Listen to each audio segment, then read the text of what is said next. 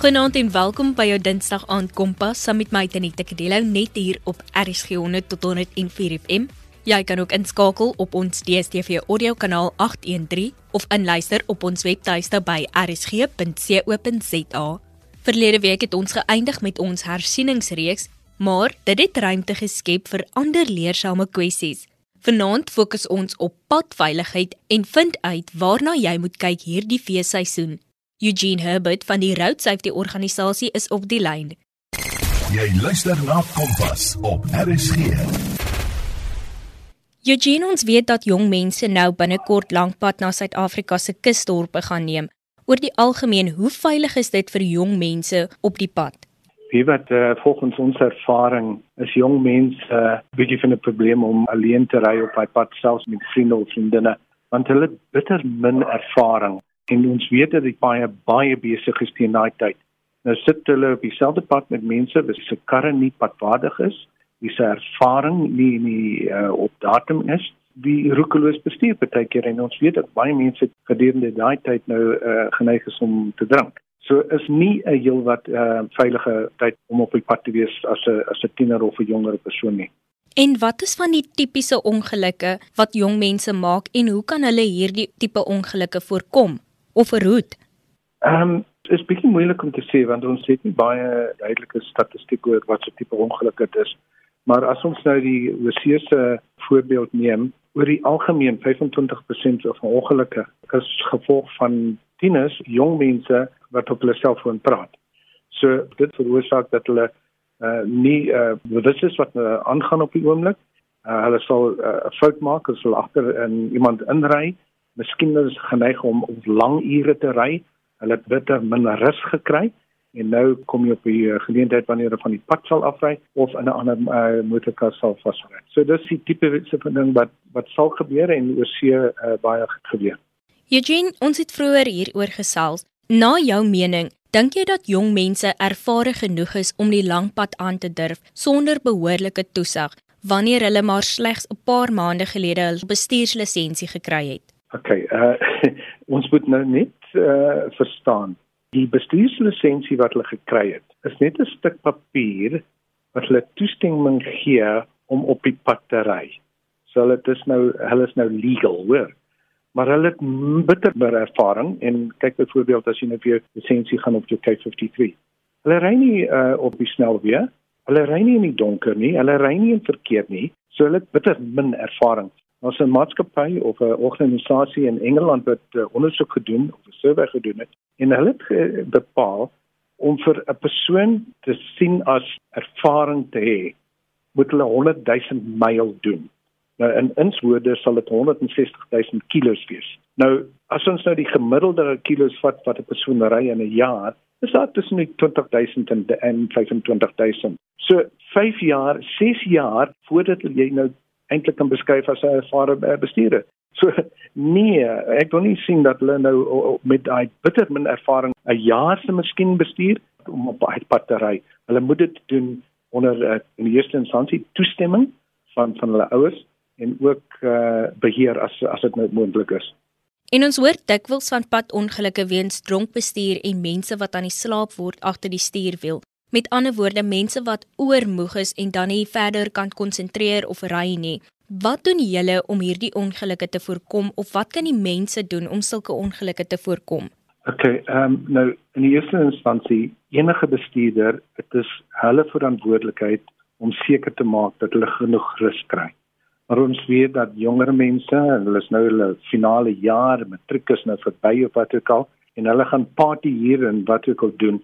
So dit is baie moeilik om te verstaan dat hulle dit van self sal doen. Maar dit is die die geleenthede waar uh, ouers kan seker maak dat hulle daai bestuursure of rusure wat daai uh, tiener nou moet uh, ondergaan, uh, beheer tot 'n sekere mate. En wie wat ons uh, gevind het wat nou baie goed werk, 'n ouer kan nou 'n team drivers kontrak met hulle on onderhandel. Want hulle as hulle nou ry, daai tiener gaan nou vir die ouers sê, ek sal dit doen en hier is my tekening. Ehm uh, as jy dit nou net uh, sonder dat op papier sit, dan is daar bitter min ehm um, incentive om by daai voorwaardes te hou. So ouers kan dit baie doen om seker te maak dat hulle die toestande verbeter waaronder en waarin hulle tieners op die pad ry.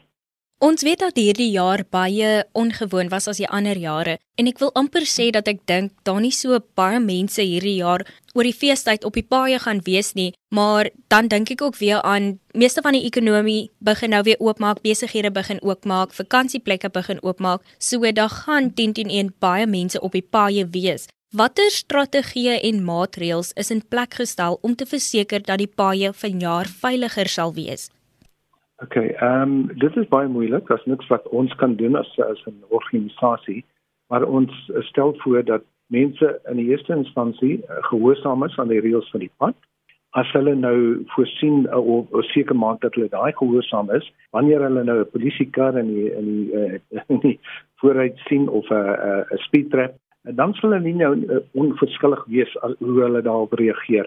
So in die eerste instansie is dit die uh owerhede se verantwoordelikheid om seker te maak dat padtoestande goed is, om seker te maak dat uh nis uh, uitsaai gegee word oor uh, ongelukke wat op die pad wel uh, gevind is, maar persoonlik kan die drywer byvoorbeeld die AA in verbinding tree om te sien wat daar op die pad gebeur het en selfs as hulle na iets 'n nis uitslaa luister uh om seker te maak dat hulle kan vroeg tot hulle 'n ongeluk aanraak of uh, voorberei voordat hulle daar aankom.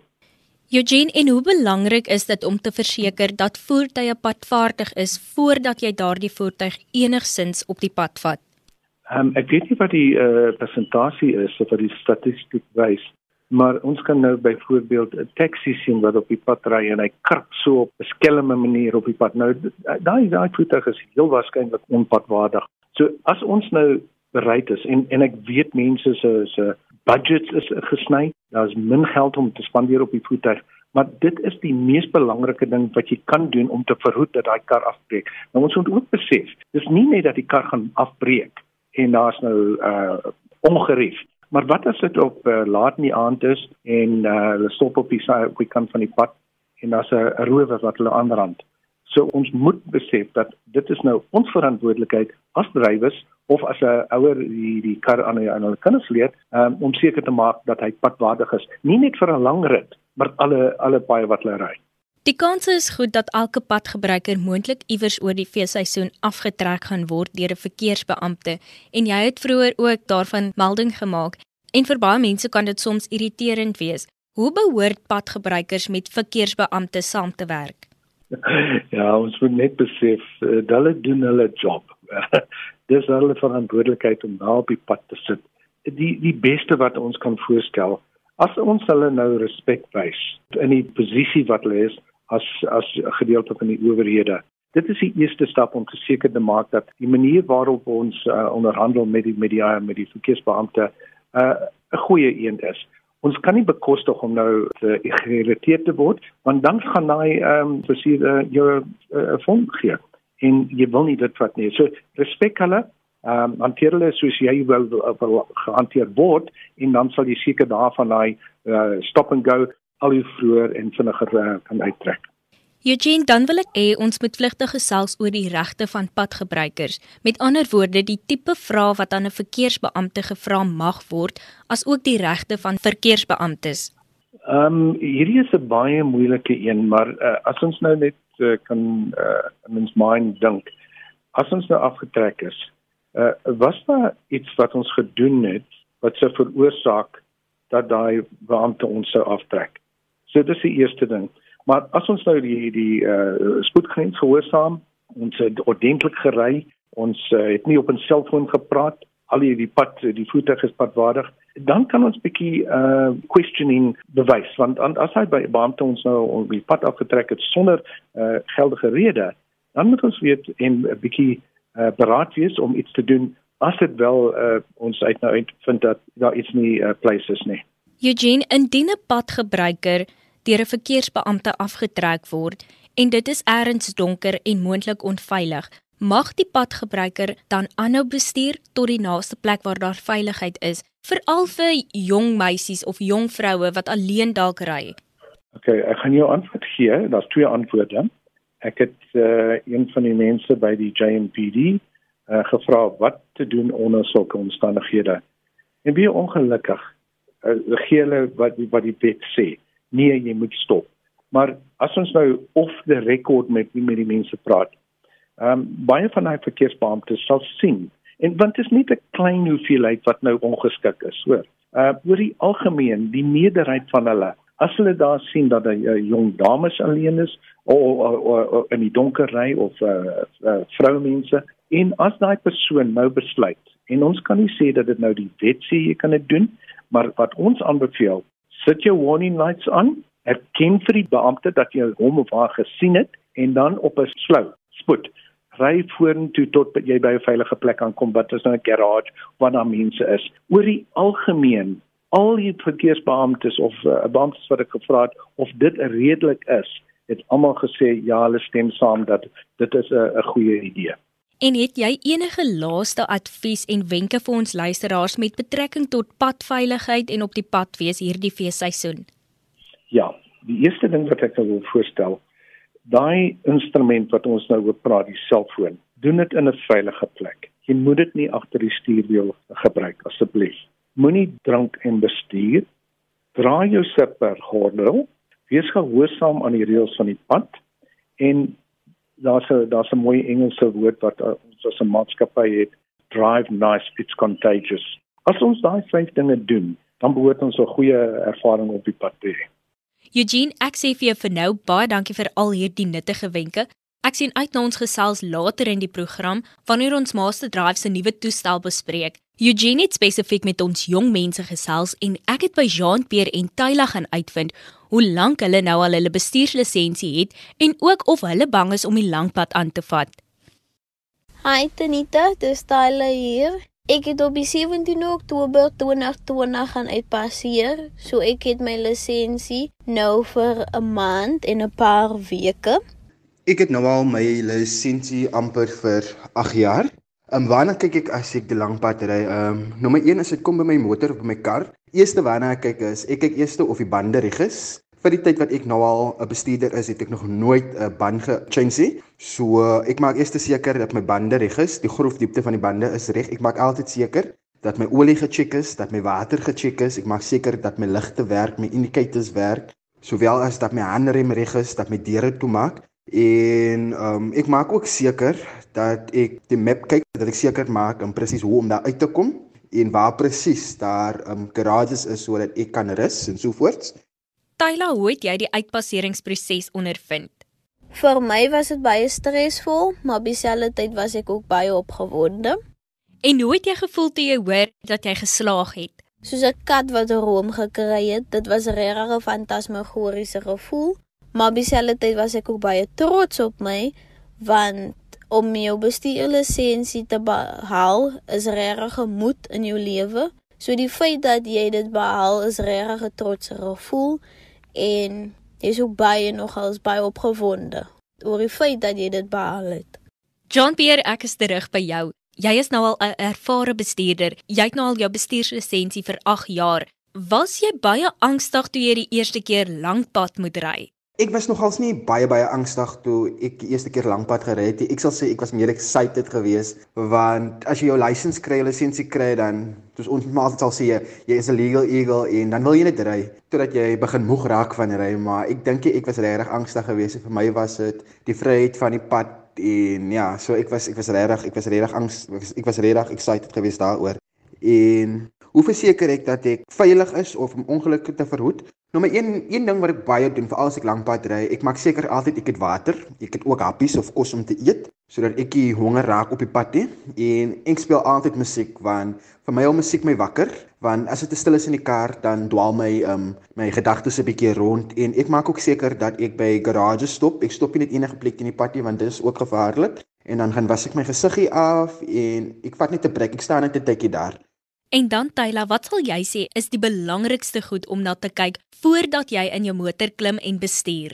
Voordat jy in jou motor klim en regmaak om te bestuur, sal ek sê dis regtig baie belangrik om seker te maak dat geen wielpap is nie of 'n puncture in dit en net om seker te maak dat jou water en jou olie reg is as jy um, reg maak om nou te begin bestuur en jy het passasiers by jou, is dit ook baie belangrik om seker te maak dat hulle gemaklik is, hulle seatbelt aan het en dat julle almal net reg is om nou te ry. En wanneer jy wel bestuur, sal ek sê dis baie belangrik om te observeer terwyl jy bestuur. Observeer is regtig baie baie belangrik en met die bestuur moet jy ook nooit vergeet die dat jy moenie net vir jou ry nie, maar jy moet vir ander mense om jou ook ry. En dan net ten slotte, watter raad het jy vir ander bestuurders? Met die uitpasseringsproses sal ek sê vir my persoonlik was die belangrikste deel was die parkeringproses. Dit was vir my bietjie meer stresvol want die parkeringproses moet gaan volgens 'n sekere manier waar as jy die ryproses um doen is dit die volgende manierie soos jy kan nog steeds punte verloor by die ryproses maar dis minder stresvol dis meer algemene goedjies wat jy weet jy moet doen. Soos jy moet jou klatskontrole doen jy moet observeer. Dis algemene goed. By die parkeer in proses was dit meer jy moet so parkeer um, jy moet so ingaan in die parkering um, jy mag nie stampie jou speeltjie mag nie die um, palle raakie So uh, die parkeringproses was regtig vir my baie meer stresvol as die ryproses. So die raad wat ek vir jong mense selfs gee is ken jou parkeringproses baie baie goed.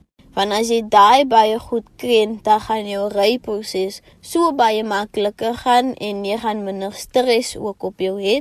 En die belangrikste is geniet dit. Dis regtig iets wat jy kan geniet. Dis nie so stresvol soos wat dit lyk nie. Die raad wat ek vir 'n nuwe bestuurder het wat vir die eerste keer lankpad gaan ry is, maak altyd seker dat jy het genoeg water, het genoeg kos, maak altyd seker dat jy breuke vat of dat jy rus langs die pad by garages verkieslik. En maak altyd seker dat daar water in jou kar is, maak seker dat jou sperwiel ook gecheck is, dat jou wiele gecheck is, dat jou ligte werk, dat jou indicators werk. En maak seker dat jy die pad ken en maak altyd ook seker dat jy bly hou by wat die spoed is vir die spesifieke pad. En Raad vir diegene wat um, vir die eerste keer vir lisensie gaan, doen presies alles wat jou ry-instrukteur vir jou geleer het. Ehm um, soos byvoorbeeld as ek, ek het ek het voor die tyd begin leer en ek het gewoontes aangeleer wat ek moes aangeleer het en daarom het ek twee keer gedryf. Eerste keer was binne in die yacht by die televisie department en die tweede keer was buite op die pad omdat ek my observasies gedoen het nie en omdat ek een handjie gery het. So maak altyd seker jy volg geregte reëls en regulasies. Jy doen alles wat jou instrukteur vir jou sê en bly ten alle tye kalm en ja. Eugene is nog hier en ons gaan nou gesels oor 'n toestel wat daarmee kan help dat jy jou selfoon minder gebruik terwyl jy bestuur. Eugene, vertel ons meer oor die Master Drive No Cell toestel. Wie wat ek is bly dat jy vraag uh, gevra het want uh, in Suid-Afrika op die oomblik en is in feite uh, wêreldwyd wat ons 'n probleem het met afgeleide bestuur.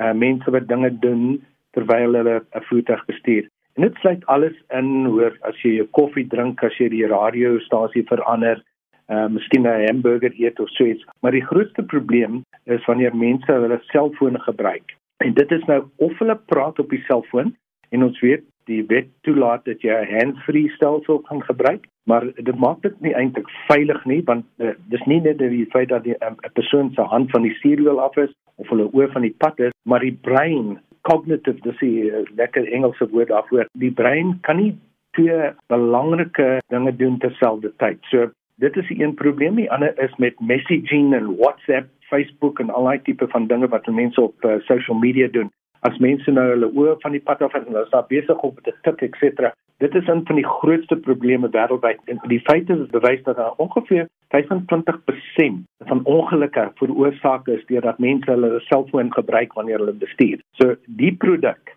is iets wat nou 'n persoon kan op hulle foon aansit. Dit werk terselfdertyd met 'n dis 'n pak, amper soos 'n hokkiepak. Dit plak op die windskerm, 'n klein dingetjie. Die app nou wat daarmee gebruik word, sal dit verhoed dat 'n persoon sy selfoon kan gebruik. So die sal nou verhoed dat jy of messaging of 'n telefoon gebruik in plaas van dit nou bestuur. En wat was die doel agter dit, Eugene? Ehm um, soos ek uh, voorheen gesê het, 'n uh, hoë persentasie van ongelukke is veroorsaak deur mense wat hulle selfone gebruik. So ons weet mense veral nou na lockdown Hulle is so gewoond aan hulle selfoon gebruik want hulle vriende bel en wat ook al. So ons wil mense 'n uh, 'n tool gee sodat hulle dit nou kan verhoed dat 'n persoon nie geneig is of getempted is om hulle selfoon te gebruik. So dit is die oorspronklike rede en vir maatskappye maar private individue kan ook daarmee gebruik. Hoe werk hierdie toestel Eugene en waar kan mense dit kry? Okay, daar's meer inligting op ons webwerf www.masterdrive.co.za. Jy sal daar sien wat dit nou um, uitlê, wat dit doen en wat ook al. Maar dit is baie basies. So die die maatskappyfoon is op hierdie ding en hulle dink hulle kan hulle skelmfoon gebruik om uh, oproepe te maak maar die die stelsel sal optel of dit so gebruik is. So as jy pak op jou windskerm, ons download die app en die twee praat met mekaar en wanneer jy in jou kar inklim, skakel dit onmiddellik aan en nou vir die tyd wat jy nou jou voertuig ry, sal jy net daai dinge kan doen. So is redelik uh, simpel en eenvoudig. Uh vir mense wat nog geneig is of getemd is om hulle selfoon te gebruik, en weet wat as jy daai sien daai boodskap kom na deur, wil jy wil nou sien weet is en is miskien belangrik. So nou sal maatskappye die geleenthede hê om te verhoed dat jy nou getemp word. So totdat jy nou die voertuig stop, dan alleen kan jy nou die selfoon gebruik. En nou is jy daarom 'n stap nader aan veilig wees op die paaie. Baie dankie Jean-Pierre en Tyla dat julle saam gekuier het. En baie dankie ook aan Eugene dat jy saam gekuier het vanaand en padveiligheid wenke met ons gedeel het. Dankie aan ons luisteraars dat julle ingeskakel het. Onthou indien jy enige navrae of terugvoer het van vanaand se program, kan jy 'n SMS stuur na 45889 teen R1.50 per SMS of 'n e-pos na kedeloutz@sabc.co.za. Kompas word aan jou gebring in samewerking met SABC Opvoedkunde en Percy Mogale was ons regisseur vir vanaand. Ek groet vir eers tot môre aand. Tot dan van my Tenita Kadello. Doodles.